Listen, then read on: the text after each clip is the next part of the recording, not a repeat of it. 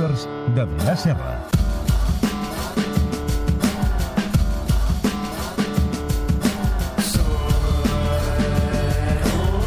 Ai, quin divendres. Adrià Serra, bona nit. Bona nit. Com estàs? Molt bé.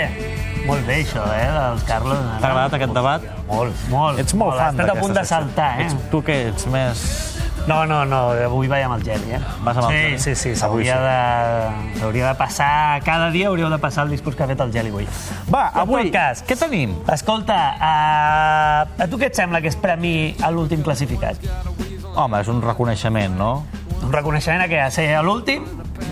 Prou pena tens? Uh, no ho sé. Um, mira, com que després parleu de NBA, Sí, ara em va molt bé, perquè justament les lligues americanes premien a l'últim classificat. Ah, sí? Sí, sí, perquè què passa? Si ets l'últim, Ah, sí. tens la, mi- la, més possibilitats d'aconseguir una bona... Et compensa. Uh, clar, un bon lloc pel draft, és a dir, Et compensa. aconseguir una bona tria pel draft. Clar, què, pa, què passa amb això?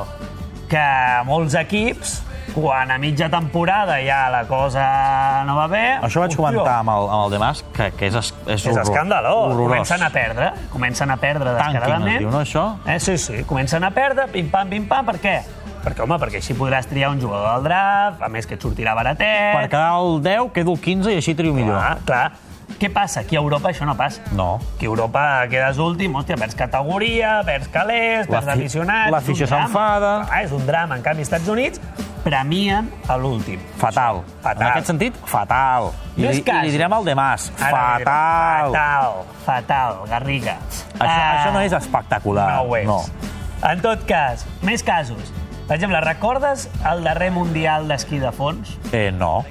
Bueno, doncs si la gent recorda, aquí vam parlar moltíssim del darrer Mundial d'esquí de fons perquè hi va anar Aquí un on? veneçolà. Al, al Losers. Aquí al Losers no. Ah. En general, a les teles, va sortir, no havia, no havia vist mai esquí de fons, i aquest any va sortir, per què? Perquè un veneçolà va decidir participar-hi i no s'aguantava ni dret. El tio va intentar córrer i no havia vist mai la neu, no l'havia tocat mai la neu. Uh, I va ser un drama. Una mica com aquella tio- pel·li del bobsleigh, no? Sí, sí, sí, sí. Bueno, bueno, un Musambani de la vida, però, però patinant sobre la neu. Uh, aquest home va sortir a tot arreu. Es diu Adrián Solano, va fer ultra famós, en vam parlar a totes les teles, i en canvi tu recordes algú que hagi guanyat una medalla en aquest Mundial? No. Alguna tele va parlar, per exemple, de Sergei Yustigov, que va guanyar dos ors i dos plates en aquest Mundial? No. Ningú. Ningú. Però, perdona, o sigui, sembla un senyor que està aprenent a esquiar. És que no havia tocat mai la neu, com és que no, és que no en sap, no és que estigui prenent, no en té ni papa. No en té ni papa. Va estar eh, caient-se durant varis minuts fins que li van dir, escolti, eh, senyor, Vagis en cap a casa, té una no?" història, que un dia potser en parlarem, perquè té una història molt, molt bèstia. A on ha passat el màxim? Perquè, clar, aquest home s'ha fet famós. Mussambani es va fer famós. Hi ha molts Sí. tios d'aquests que es fan famosos eh, i trinquen, eh? Perquè Mussambani, hòstia, li van donar un patrocini d'Espido, no sé què, tal... Hòstia, per cada últim, el tio que va quedar al 50, ningú se'n recorda d'ell. On hi ha hagut màxim exponent d'això, en el ciclisme? El ciclisme? El ciclisme. La maglia negra. Saps què és la maglia negra? Home, té pinta de ser el vestit que li donen a l'últim. Ah, exacte, en el Giro d'Itàlia. Això es fa? Això ja no es fa. Això s'ho van inventar l'any 46 a Itàlia, borratxos de limoncello, segurament. uh, perquè algú va dir, hòstia, li donarem un premi a l'últim. No només un, un jerseyer, no, li donarem pasta. I a més a més farem una altra cosa, que és que qui vulgui, dels aficionats, podran contribuir al premi. Llavors la gent donava des de... O sigui, una, una panera. una panera, la gent donava des de diners, a botifarra, formatge, vi, no sé què. Total, era un xollaco Quedar l'últim. del Giro d'Itàlia. Home, però clar, és molt, fa... Bé, molt fàcil, no? Però És és l'antiesport. No és fàcil. Has d'acabar, clar. No, has de... no és fàcil. Primer, has acabat, has de xupar tot el Giro. Segon, en el Giro d'Itàlia en aquella època, si tu arribaves molt tard i els jutges ja havien decidit anar a sopar, allò de, hòstia, eh, ja el que arribi, et posaven el temps del gran grup. Directament. És a dir, tu podies arribar aquí 10 hores tard cada dia i faries la mitja. Ah. Vale? Et posarien allà amb el gran grup. Uh, total, que els tios se les havien d'inventar per... així no hi ha manera de quedar últim. Clar, per quedar... Bueno, sí, havies de ser l'últim a entrar abans que els jutges marxessin. Aquí hi havia molt artista. L'artista més gran, més gran és Luigi Malabroca, que a part va tenir eh, una lluita titànica per acabar últim, però lluita titànica, eh?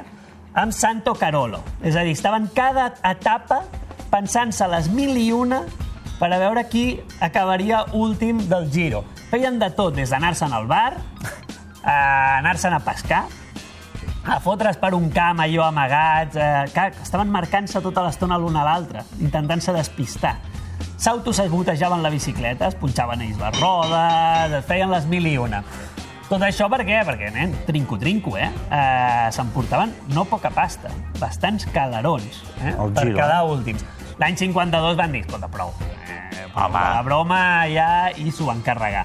Però aquells anys va ser el màxim de la picaresca. El Tour també ho fan, això. Diferent. Al Tour hi ha la famosa... el, fa, el fanalet roig, eh, no? La- L'antenne roig, Sí. eh? Del darrer. Fanalet vermell. Allà no hi ha, allà no hi ha premi econòmic. Però et fas famós. Aquí el, el màxim exponent és Wim, i això ho he de llegir perquè és holandès, aquest Van Sevenant. Wim Van Sevenant ha quedat últim 3 anys consecutius del, Del- Tour de França. què dius? Tres anys seguits? 2006, Ha fet un- 2007, 2008. Un hat-trick va fer. Hat-trick. Què passa? Aquest tio, eh, el primer any va ser casualitat. Hòstia, m'ha tocat ser l'últim. Arriba últim, el fanalet, el tal, i de cop i volta el tio, que mai li havia fet, ningú li havia fet un puto cas, mentre estava ja pujant bidons i fent de gregari, no sé què, aquí, i tal. no? Hòstia, entrevisteta, que surto aquí, que m'han fet aquest article. Eh, no només això, puja el meu caché, per ser últim, puja el meu caché, em comencen a convidar als critèriums post-tour, perquè els hi fa gràcia que hi vagi l'últim. I clar, el tio va dir, tate, aquí hi ha negoci. A partir d'aquell any es va fer un expert en quedar últim. Ell anava, en principi, anava de gregari de Cal Evans, de Cal Evans, amb el Loto, però bàsicament el tio acabava l'etapa i anava a mirar, hòstia, a veure com vaig, últim, bé, tot, tot correcte, tot correcte. Mentre vagi últim, tot correcte. No és fàcil tampoc, perquè ara aquí no et posen en el gran grup, però si et passes de temps, si no entres dins el percentatge del temps respecte al primer, quedes eliminat. Clar. Això a les etapes planes no hi ha problema, et despenges una miqueta i tal, però en una de muntanya, com et despistis i se te n'en vagin els de davant, Adéu. fora de temps i quedes eliminat. Vull dir que té el seu mèrit també, a part de que t'has de xupar un tour sencer.